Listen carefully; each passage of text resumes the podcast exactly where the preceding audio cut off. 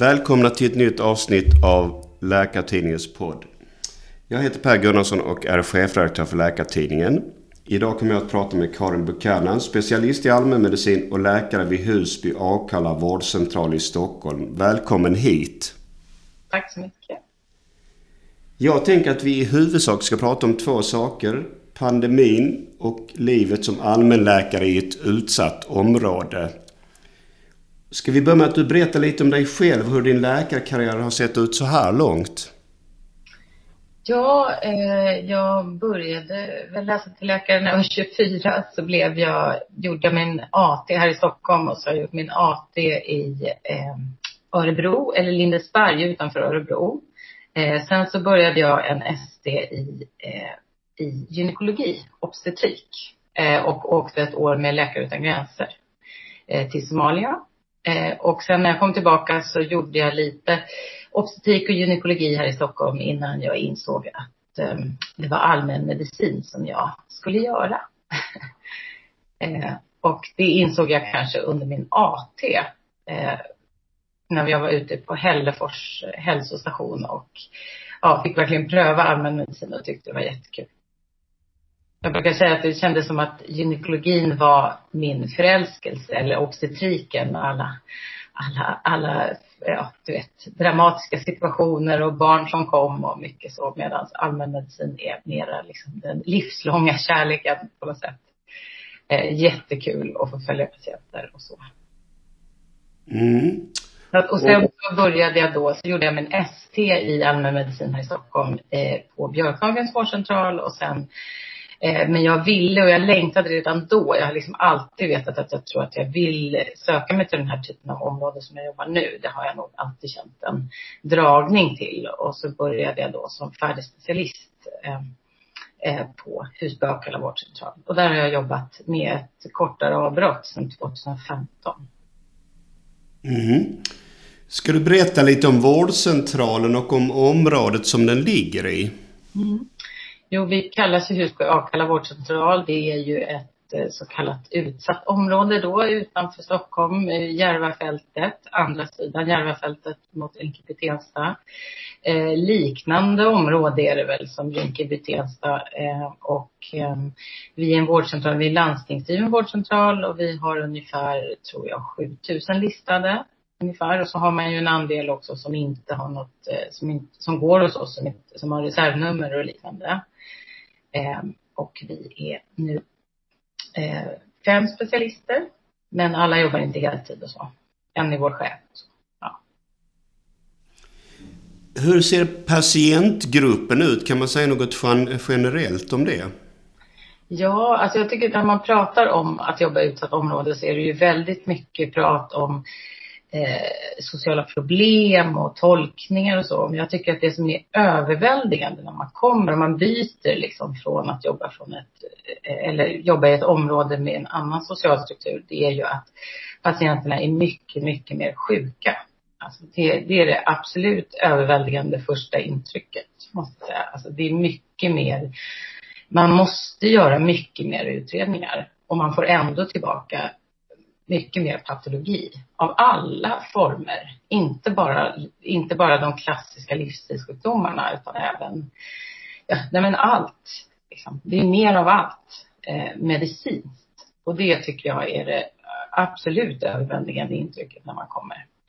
Eh, sen, sen är det ju annat också såklart. Eh, eh, och det, får, det finns ju andra utmaningar, kanske delvis språkmässigt och så, men jag tycker att det där avtar med tiden. Jag upplever inte att det är så stort problem. Det uppstår ju situationer där det är ett problem, men, men eh, eh, jag tycker man vänjer sig och man hittar verktyg för att komma runt det på något sätt.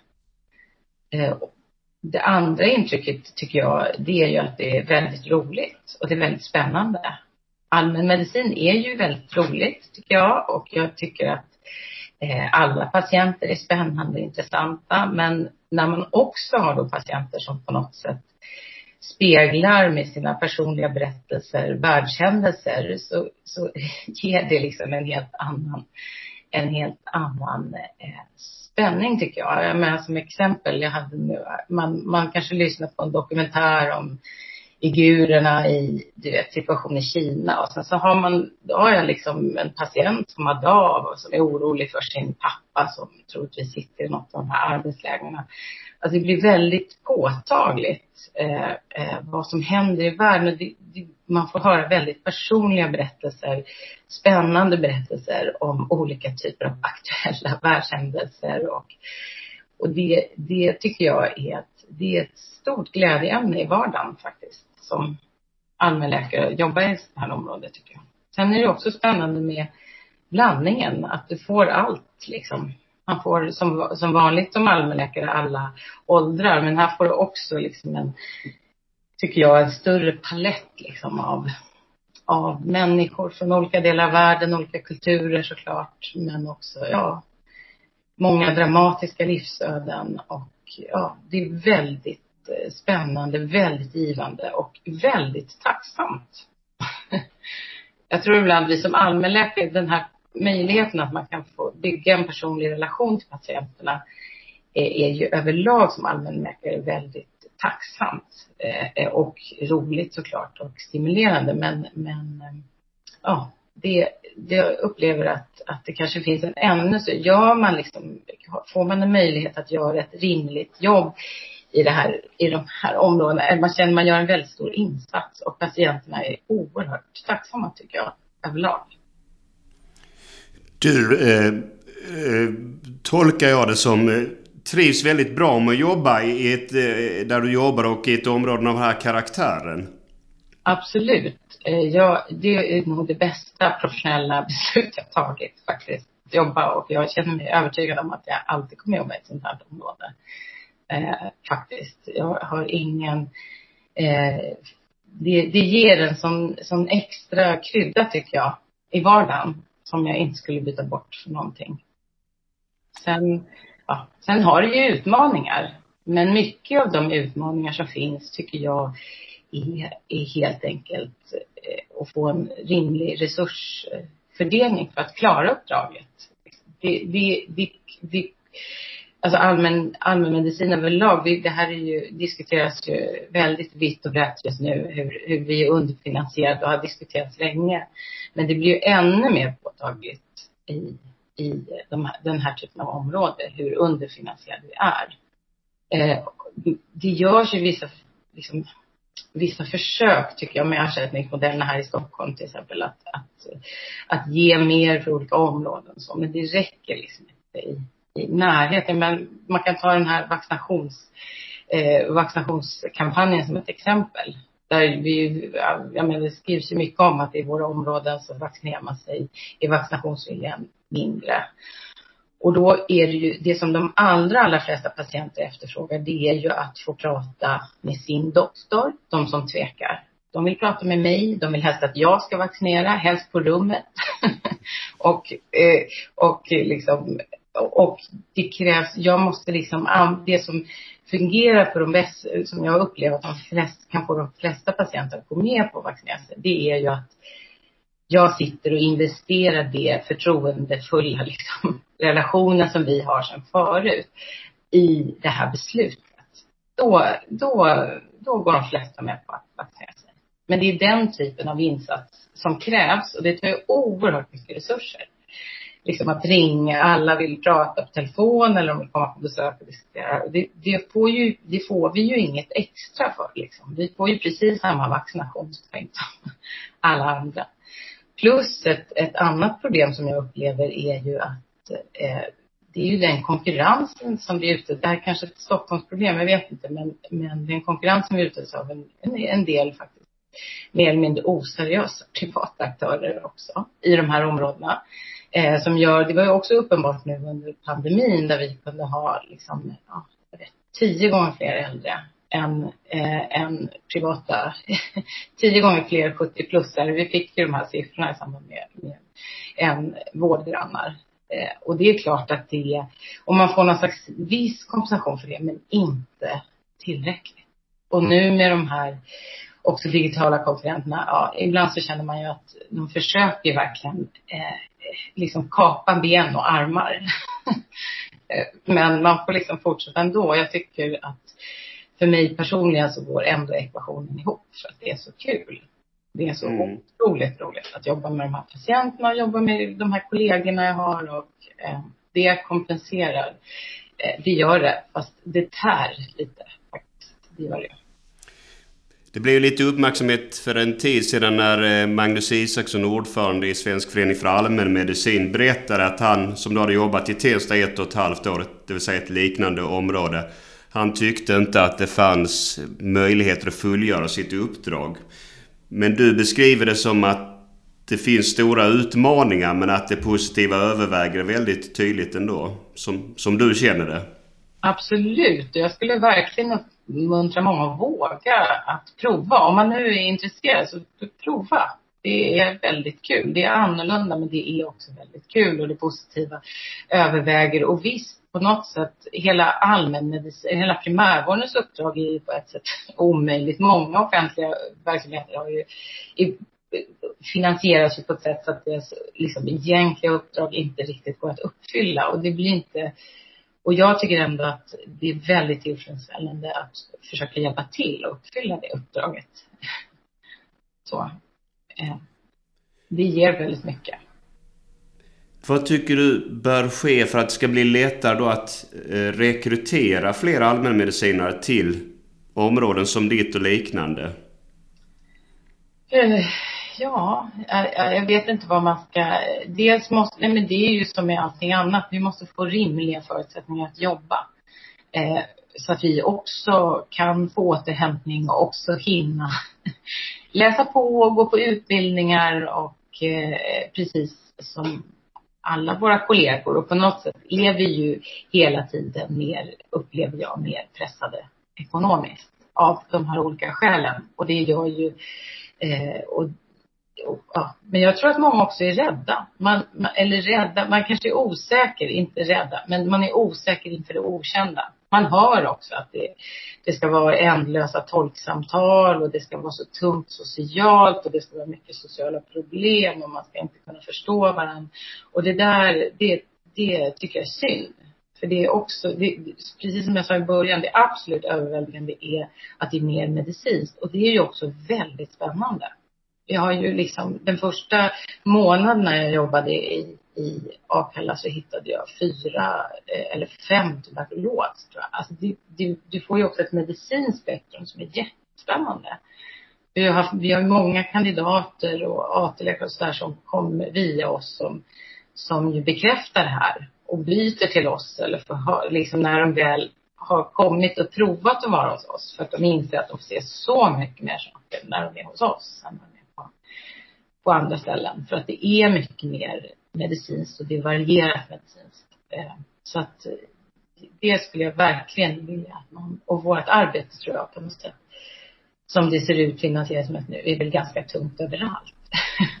och här är det väldigt kul. Så på det viset kan man egentligen säga att skulle ni få mer, eh, enligt din uppfattning, rimliga resurser, då skulle ni ha en betydligt starkare bas att stå på? Absolut ordentliga listor. Och det, det som jag tycker också, det är ju också eftersom det är svårrekryterat, det är underfinansierat, så blir det ju den här onda cirkeln av att man, jag har ju hört, jag har varit på intervju på vårdcentral där chefen har sagt att, men du vet, i det här området så vill inte patienterna ha kontinuitet. De behöver inte kontinuitet. Och det är ju det, sånt där gör ju att blodet börjar koka. Varför skulle de här patienterna inte, jag tror att de är någon annan typ av människor eller? Det är klart att de ytterligare med sin dålig, eller med ibland sin bristfälliga liksom förankring i det svenska samhället eller myndighetsvärlden så kan, är det snarare ännu större behov. Och man får en enorm uppskattning om man på något sätt kan vara en, en trygg punkt. Och det går, vi arbetar stenhårt arbetat i många år, vi liksom med listor. Det här, det går precis lika bra hos oss som någon annanstans. Och behovet är om inte lika stort, eller om inte större, lika stort såklart. Och lika efterfrågat. Och det, och jag skulle säga att det är en absolut nödvändig förutsättning för att man ska kunna jobba. Eftersom vi har så o, väldigt många patienter med väldigt många olika diagnoser. Så ska man kunna följa dem och ska man kunna göra någon slags rimligt jobb med den begränsade resurser vi har då gällande tidsmässigt och det uppdraget som, som vi har så, så är det ju en absolut förutsättning. Annars, det går inte liksom. Om vi inte, får, om vi inte känner våra patienter och får träffa dem kontinuerligt då, då, det går inte. Då hinner vi verkligen inte. Då, då går det inte att upprätta medicinsk. Så hur många patienter har ni färdiga specialister och per person på era listor? Ja, det har ju varierat lite över tid. Men nu, jag jobbar 80 procent och jag tror att jag har, jag vågar inte säga exakt men jag har väl ungefär 1600 kanske. Mm. Eh, det här varierar lite över tid, 1700 kanske, ja. Och då jobbar jag 80 procent och mer, det är en aktiv lista. Eh, och det är vad, vad man klarar av skulle jag säga. Det går inte, det går inte att ha mer än så. Jag tänkte vi skulle prata lite om den pågående covid-pandemin. Och eh, jag läste en artikel i Dagens Nyheter där du berättade om hur ni på er vårdcentral förstod att något allvarligt var på väg att hända. Kan du berätta det här igen om hur det började för er del? Ja, alltså, en del saker har vi ju förstått i efterhand. Eh, men det som var uppenbart hos oss, det är alltså, någonstans måste det ju börja på något sätt och någon måste vara först och det, upplevelsen var att vi var bland de första eller liksom så. Vi, vi har ju alla i efterhand förstått att vi hade fall då redan i januari, februari. Våra sköterskor pratade om att, att, eh, att det var många som ringde in och sa att de hade tappat lukt och smak redan i februari. Eh, vi hade eh, liksom i efterhand förstod vi att vi hade personalsmitta redan innan det var en konstaterad samhällssmitta på vårdcentralen. Eh, därför att det var en samhällssmitta hos oss innan liksom, ja, men innan man såklart hade förstått att det var en samhällssmitta. Eh, och det gjorde att dels att vi var väldigt många som blev sjuka där i början, även i personalen. Eh, men, eh, och vi förlorade också en kollega väldigt tidigt. Så att det blev snabbt väldigt dramatiskt och väldigt tungt och eh, ja, det verkligen sköljde över oss. Så att när det väl liksom man förstod att det var en samhällssmitta, då, då var det bara liksom brakade lös. Det var, det var otroligt mycket sjuka patienter och vi upplevde också att ibland, många patienter blev inte intagna till sjukhuset i början. Det där blev bättre sen med tiden. Men det var ju början, man visste ju inte liksom. Och jag tror även, det här var en ny sjukdom för oss alla och det här med happy hypoxia och det här. Man kände liksom inte till, tror jag, eller den här propprisken. Ja. Så att det var verkligen, jag sa till kollegorna, det var som att jobba i Läkare Utan Gränser. Jag hade ju många kollegor som också hade eh, faktiskt har jobbat eller eh, levt i eller jobbat i krig tidigare eftersom de kommer från andra delar av världen. Och det, var, det var liksom nästan en liknande upplevelse. Vi fick improvisera väldigt snabbt och eh, eh läsa på allt vi kunde och försöka liksom, vi hade en känsla av att ja, det, vi hade liksom ingen tid för förberedelse utan det hände bara så. Både oss, både oss i personalen men också klart och det var och är och har varit liksom en lokal tragedi, eh, tycker jag, i, i området. Jag menar, det var en, en så, så, så fin bild en patient berättade, men det är också väldigt sorglig bild hur, hur eh, moskén i Rinkeby berättade han, hur, det är ju många som går även från vårt område liksom, till moskén inte. Och hur hela liksom den första raden i moskén, där liksom de äldsta hade suttit, var, var liksom tom det var så otroligt. Liksom, det var en, en riktig lokal katastrof för vissa grupper i, i området. Hur var det att hantera situationen där inte bara patienten utan även ni personalen blev sjuka och till och med dödsfall? Hur, hur, hur klarar man av det? Men jag tror men det, alltså, man, dels så tror jag att, att ehm, nej, men man, får jobba på liksom. Det, jag vet inte hur man klarar av det, men det, det eh, jag tror att det var ett stöd, att det var många just i personalen när man jobbar också, är ju många i personalen som kommer från andra länder och har upplevt andra typer av omständigheter och det tror jag är ett stöd när det händer sådana här saker och man snabbt måste ställa om och så. och det förde oss ju samman också tror jag. Att vi liksom, vi, vi, eh, ja, vi gick ju igenom det här tillsammans. Många i personalen som ju också drabbades såklart, även personligt utanför jobbet. Så att det, det, nej men jag upplevde att, jag kände att vi, det förde oss samman. Just. Och att det gjorde att vi, ja, och det blev ju snabbt väldigt allvarligt och väldigt och, och något som också som jag som var väldigt provocerande i början, det var ju det här när, när det då stod klart att det var här från Järva, liksom den här första liksom vågen av samhällssmitta, man ska säga väldigt många patienter från Järva, och inte bara från Järva, men många patienter från Järva i den här allra första liksom, delen av, av vågen. Så, så pratade man om att man inte hade nått ut med information och ja, du vet. Eh, och det kändes som ett hån mot våra patienter, verkligen. För även om man då inte konsumerar jättemycket svenska nyheter alla i de här områdena så konsumerar man naturligtvis internationella nyheter. Så det var inte så att det var någon som hade missat på något sätt hur covid smittade eller att det fanns utan snarare att man var försiktig tidigare. Det var ju otroligt många som, som hade mask till exempel. Det var ju ingen någon annanstans liksom. Det var ju väldigt många som bar mask. Folk var väldigt försiktiga. Många höll ju sina barn hemma från skolan. Det var ju, det var ju nästan skolstängning vissa skolor ute i de här områdena, liksom där omkring där jag jobbade. För att det var så många som höll barnen hemma för man var rädd och så. Så att det kändes väldigt orättvis och det är en sån här förenklad bild liksom, att det bara handlar om språket eller, ja, utan det handlar ju naturligtvis om att man har en, en dålig grundhälsa. Alltså, vi har ju många, många fler eh, diagnoser, mycket sämre liksom, grundhälsa men, men också sämre möjligheter att jobba hemifrån. Alla, jag har liksom en handfull patienter som har jobbat hemifrån. Det är, det är, det är inte så många. Utan man jobbar i de här utsatta yrkena, taxi och vård och så. Mm. Så du reagerade starkt på att eh, det fördes fram åsikter att folk inte förstod sitt eget bästa? Nej, precis. Det är den där undertonen som jag tycker ofta. Det var en rolig artikel i DN där, där eller det var inte alls en rolig artikel, det var en bra artikel i DN där en, eh, en man från Rinkeby sa det så bra. Han sa covid var viruset när, alla, eh, när, när svenskarna trodde att somalierna var dumma i huvudet. Eller något liknande. Det var, det var liksom verkligen den, eh, den känslan. Så.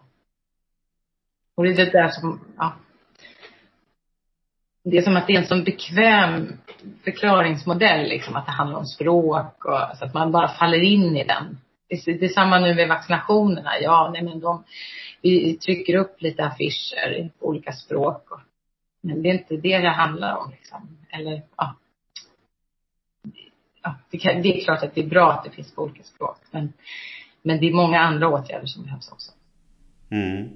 Vad behövs det då tycker du för åtgärder för att ytterligare öka eh, vaccinationsgraden? Ja, det här är ju, det är ju svårt men eh, det som jag tycker, det var också en annan fin artikel i DN där en, en kollega som jobbade nere i, Malmö tror jag var, som gick ut och delade ut, delade ut lappar om vaccinationerna på sin lunch, sin dagliga lunchtur.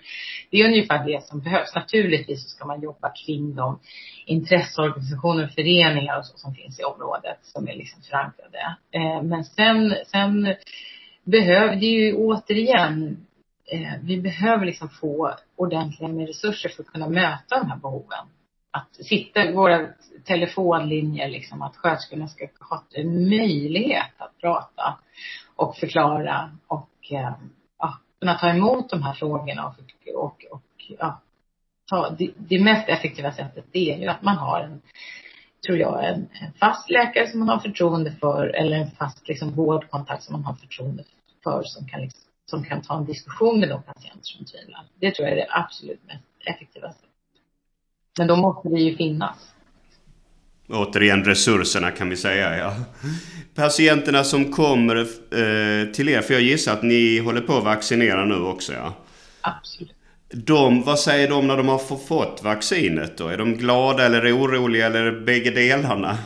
Bägge delar. Jag tycker det har, det har ju gått i vågor det här med vaccinationer. Först, vi fick, och där, jag tycker man, man får, jag ska inte liksom bara gnälla på resurser, för jag tycker ibland så känner man att det görs försök att kompensera oss för det här som vi alla vet om finns. Liksom. Eh, och vi fick även eh, lite vaccindoser före resten av Stockholm. Och det var väldigt, eh, det var oerhört positivt. Och de här allra äldsta tycker jag också att det har funnits väldigt lite tvekan. Eh, några få såklart. Och då har det ofta varit anhöriga som har varit oroliga. Men, men inte, det har inte varit en stor, eh, stor fråga utan de allra flesta, om man ändå lägger tiden att förklarar i den äldre generationen. Och där har det varit oerhört mycket glädje och också en längtan och, och såklart liksom rena, rena feststämningen ibland på mottagningen. Eh, eh, så. Och många patienter blir ju jätteglada och liksom nästan gråter och är uppklädda och så.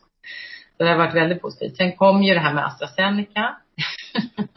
och då, i och med det upplevde jag att det tyvärr blev en, en större skepsis. Och det kanske också för att vi går ju ner i åldrar också, lite grann. Mm. Eh, så, att, eh, så att det har varit, eh, eh ja, det har varit, varit blandat tycker jag. Men, men överlag positivt. De flesta vill ju ändå vaccinera sig. Jag tror också att det blir, jag är ändå optimist. Jag tror att det blir mer vaccinationstekniker längre fram. För alla kommer vilja resa. Och om de här kraven kring vaccination för resor, då kommer vi få en, en, en, en det kommer hjälpa till, tror jag. Och många vill vänta lite. Jag tror att liksom vaccinationstekniken kommer att öka med tiden. Mm. Nu har ni fått jobba oerhört mycket med pandemin och haft det oerhört tufft också. Ser du framför dig någon punkt när ni kommer att kunna få vila lite?